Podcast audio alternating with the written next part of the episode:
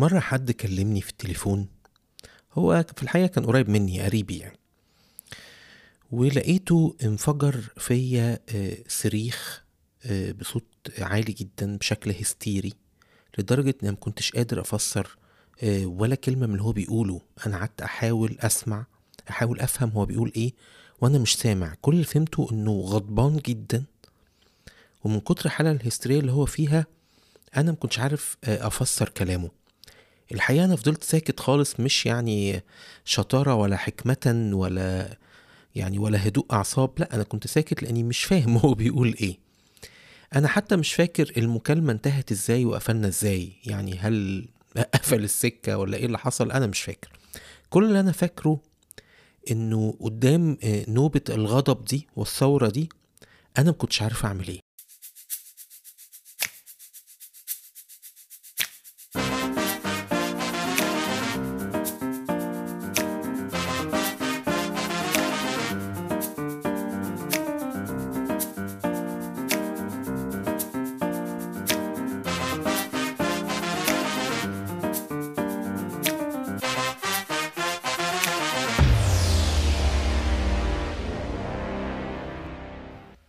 أهلا بيكم في حلقة جديدة من بودكاست خطوة. كتير بيقابلنا نوبات غضب. كتير بيقابلنا ناس متنرفزة وبتزعق. وبنبقى مش عارفين نتعامل معاها إزاي. وفي نفس الوقت ياما شفنا آه، ناس بتبقى شاطرة قوي في الموضوع ده. يعرف يحتوي اللي قدامه ويهديه ويتعامل معاه. والشخصيات دي بتبقى مشهورة إن هي شخصيات حكيمة. بتعرف تمتص آه، أي أزمة وتحلها. تعرف تصلح بين الناس وتساعدهم إنهم يتواصلوا بصورة أفضل. اللي بيتنرفز ده ممكن يكون آه، حد قريب منك ممكن يكون آه، صديق ممكن يكون قريب ممكن يكون حد زميل في شغل. الأصعب شوية ممكن يكون عميل ليك في شغل لو أنت شغلك مثلا ليه علاقة بال customer service أو آه، يعني في clients وفي زباين بيقابلوك فممكن تقابل ناس منهم غضبانة وثايرة. ممكن يبقى شخص غريب خالص عنك أو مفيش علاقة تربطك بيه. في أشكال مختلفة. ولكن الأكيد منه إنه في ثورة الغضب الموضوع محتاج حكمة آه، جدا في التعامل مع الشخص الغضبان دوت.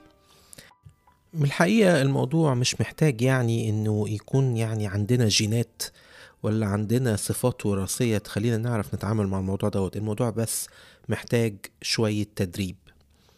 وبخطوات بسيطة ممكن نبقى أجمد ناس في التعامل مع هذه المواقف. وكعادتنا في بودكاست خطوة.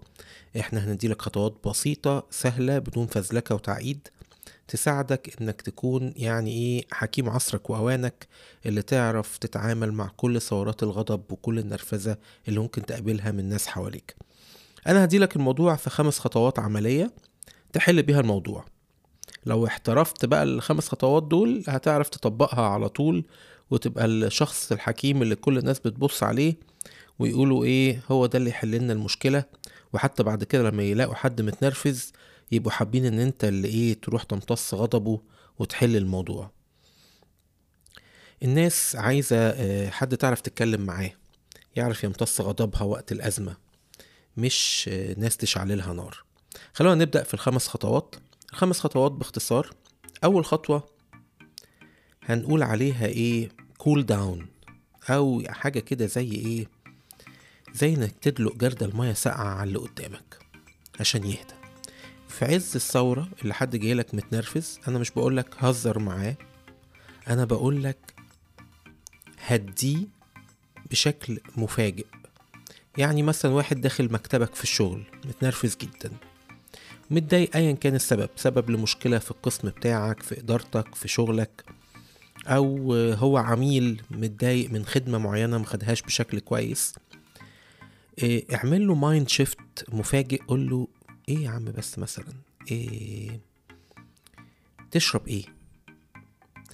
لو هو واقف مثلا قعده قول له طب ممكن تقعد تستريح آه جيب له مية إيه أجيب لك قهوة قهوتك إيه؟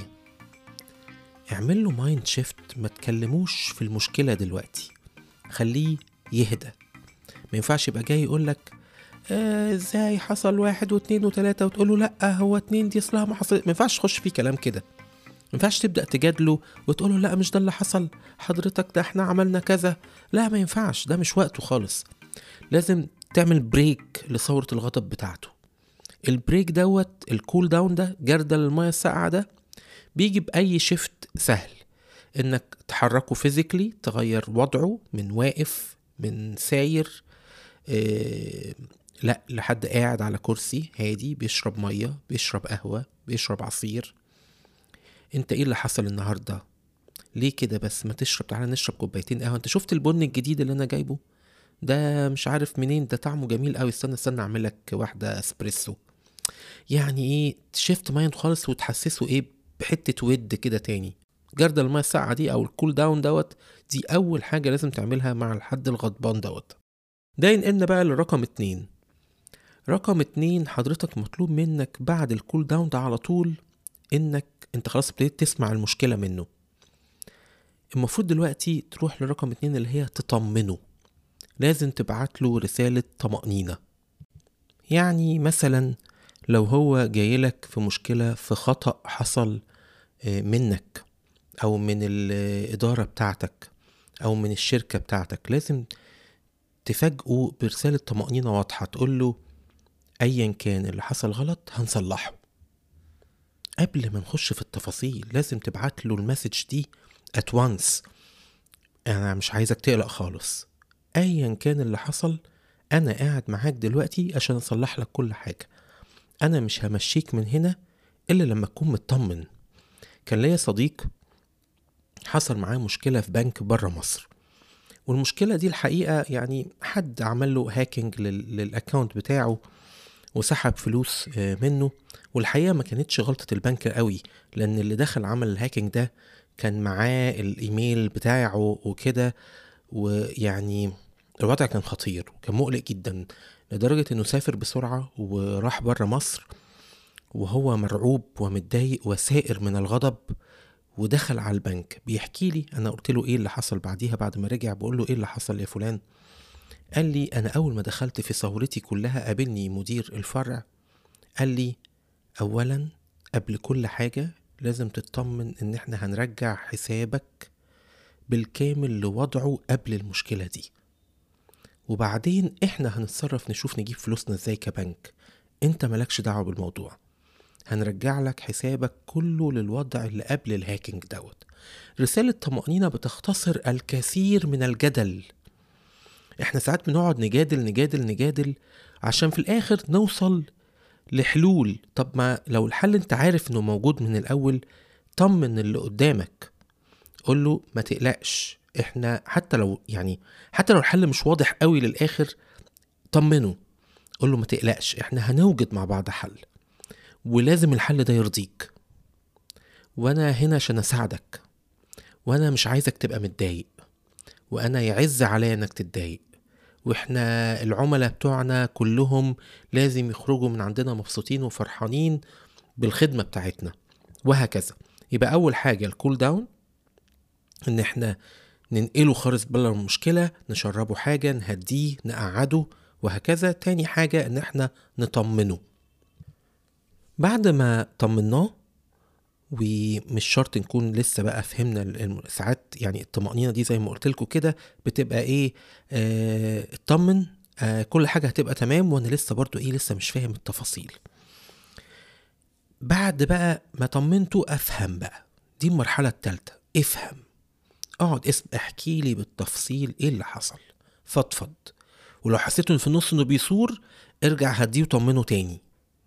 واخد بالك؟ وبعدين اسمع تاني. وهكذا. يعني ساعات بيحصل ريبيتنج لمرحلة واحد واتنين وانت قاعد بتتكلم.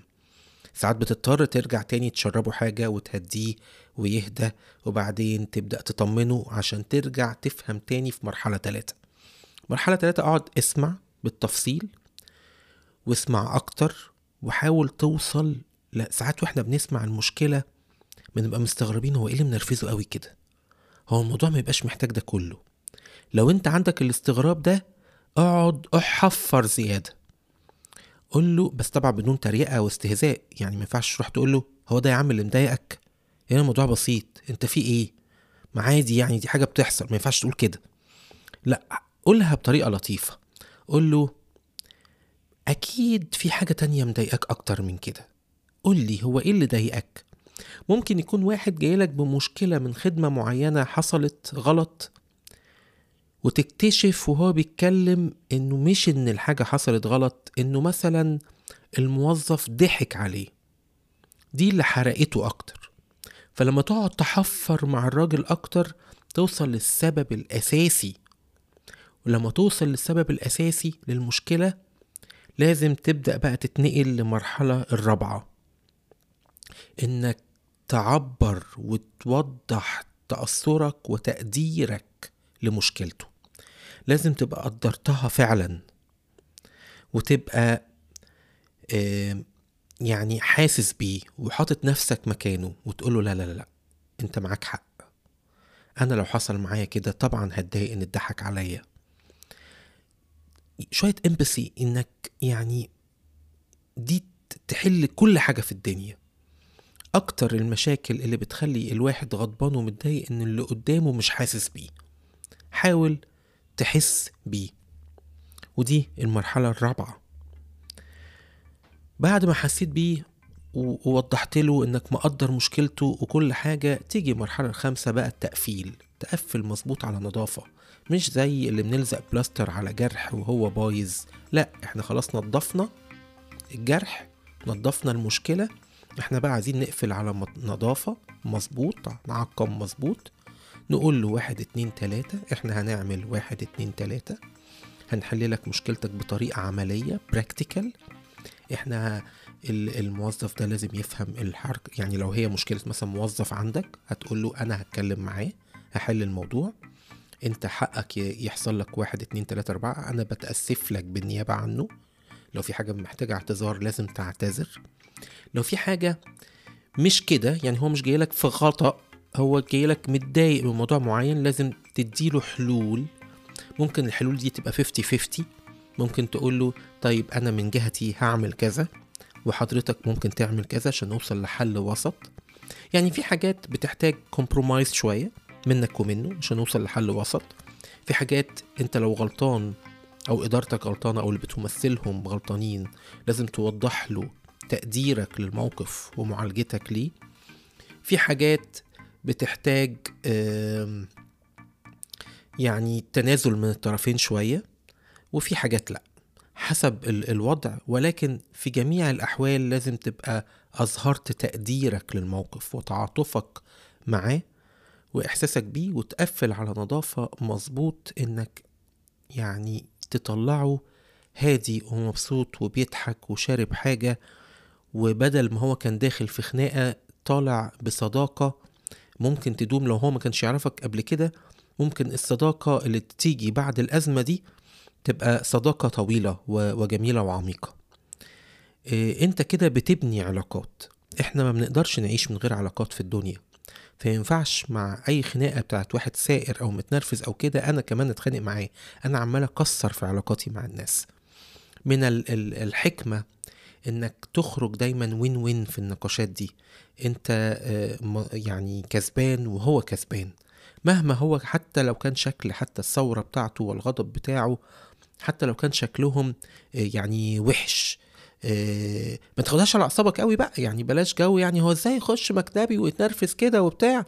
لا معلش إحنا وإحنا بنغضب آه، محتاجين اللي قدامنا يبدأ يمتص سن طبعا لو في حاجة يعني معدية الحدود من حقك تحط ليميتس يعني لو الموضوع زيادة قوي وفي مثلا الأنظار عليكوا في عملاء تانيين موجودين في المكان تخيل انت مثلا لو انت شغال في بنك ودخلك واحد بيزعق لازم تهديه وتدخله وتقول له لو سمحت مثلا اتفضل عندي في مكتبي وتقفل الباب وتقول له يعني ما يصحش كده قدام الناس تعالى هنتكلم لوحدينا أنا هحل لك مشاكلك. فمن حقك تحط limits مقبولة بدون ما تنرفزه زيادة. okay؟ آه تهديه من غير برضو ما تمشي العكس من غير ما تهزر لأن اللي متنرفز مش مستحمل هزار. لأن الهزار ده تقليل وعدم احترام وعدم إحساس بموقفه. فهو الموضوع محتاج آه، إنك إيه تاخدها واحدة واحدة كده تهديه بالراحة بهدوء وتمشي في الخمس خطوات اللي قلناهم. طبعا الناس ممكن تحس إنه إيه يا عم الخمس خطوات وبتاع وأنا هفتكرهم إزاي؟ أنا أصلا في وسط الأزمة وأنا هعرف أفكر. ده هو دي بتبقى خناقة. ده أنت ما تعرفش. ده إحنا الشغل عندنا مثلا كله خناقات. أنا هفكر زي في خمس خطوات؟ اتدرب إنك تاخدهم خطوة خطوة. ابدأ إنك تقول أنا دايما هعمل الخطوة الأولى بس اللي هي ال cooling down دي. أنا لما حد يتنرفز ويتخانق معايا أنا هبتسم وهديه وأكلمه في حتة تانية أقعده أشربه حاجة أكلمه أقول له آه، أنت يعني أنت أخبارك ان أنت عملت إيه امبارح؟ لو أنت تعرفه طبعا وفي ود في حاجة ممكن تكلمه في حاجة تانية. يا عم أنت متنرفز إيه دلوقتي؟ إحنا عملنا إيه في الموضوع الفلاني؟ ممكن تغير الموضوع شوية. وركز في الخطوة دي بس. قول أنا دايما هعمل cool down ولما تحترفها خش على الخطوة التانية. أنا عايز أبقى مركز إن لما حد يبقى متنرفز هعمل له كول داون وتاني حاجة أطمنه. هبعت له رسالة طمأنينة إزاي؟ وأدور في كل موقف. دايما لازم أدور وأبذل مجهود في تفكيري بسرعة. أنا الراجل ده متوتر لأنه حاسس في خطر حاسس في أزمة. ممكن الأزمة دي والخطر دي ليها علاقة بشغله ليها علاقة بحياته ممكن حاسس إنه بإهانة ايا كان أنا أطمنه إزاي في الموقف ده. أفكر بسرعة في, في أحسن رسالة طمأنينة وأنقلها له. لما أحترف الخطوتين دول أخش بقى في خطوة ثالثه ورابعة وخمسة وهتلاقي الموضوع سهل خالص وعرفت تعمله بكل سهولة. دي طريقة مضمونة ومجربة إيه، تقدر تحل بيها يعني كل مشاكل الناس الغضبانة والسائرة. إيه، وهتحترف بعد كده لما تعدي بالثلاث أربع خطوات الأولانيين هتحترف إزاي توجد حلول بديلة وهتعرف توجد وجهات نظر. ممكن ساعات يجي لك حد آه، متضايق من حاجة معينة تهيأ له حاجة. يعني تهيأ له إن حد لما رد عليه رد عليه بطريقة معينة آه، قال له مفيش النهارده تعالى بكرة ولا حاجة فحس إنه باستهزاء بيه. ممكن واحدة واحدة تتعلم تلفت نظره. لا طب ما هو مين قال لك إن هو بيستهزأ بيك؟ مش يمكن في حاجة تانية. مش يمكن في سبب تاني إن هو قال كده. مش يمكن آه، هو فعلا ال ال ال الورق ده خلصان من عنده النهارده. مش يمكن هو عنده كوتا معينة ما يقدرش يعديها. تبدأ تلفت نظره لأفكار تانية تخليه برضو يبص الموضوع بوجهات نظر تانية.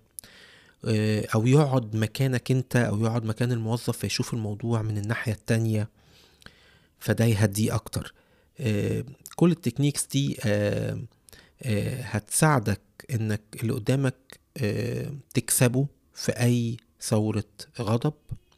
وتبقى أنت ال... ال... الشخص الحكيم الهادي الرزين اللي كل الناس تبقى مطمنة إنها حتى لو اختلفت معاه هيطلعوا حبايب مش هيطلعوا بجرح أو بمشكلة أو بعداوة. أتمنى حلقة النهاردة من بودكاست خطوة تكون فادتكم. لو الكلام فايدك و... وأنت مبسوط بيه ما تبخلش بيه على حد.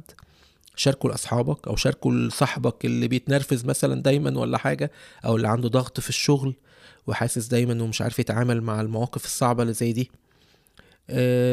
ممكن لو أنت عندك برضو مشاكل معينة عايز نتكلم فيها في البودكاست ممكن تبعت لنا على ال website بتاعنا خطوة dot co أو برضو ممكن تبعت رسالة على صفحة الفيسبوك اللي هي Hacks for a Good Life آه، إحنا هنحاول آه، نتكلم في المواضيع اللي أنتوا آه، طالبينها. أشوفكم في حلقة جديدة من حلقات بودكاست خطوة.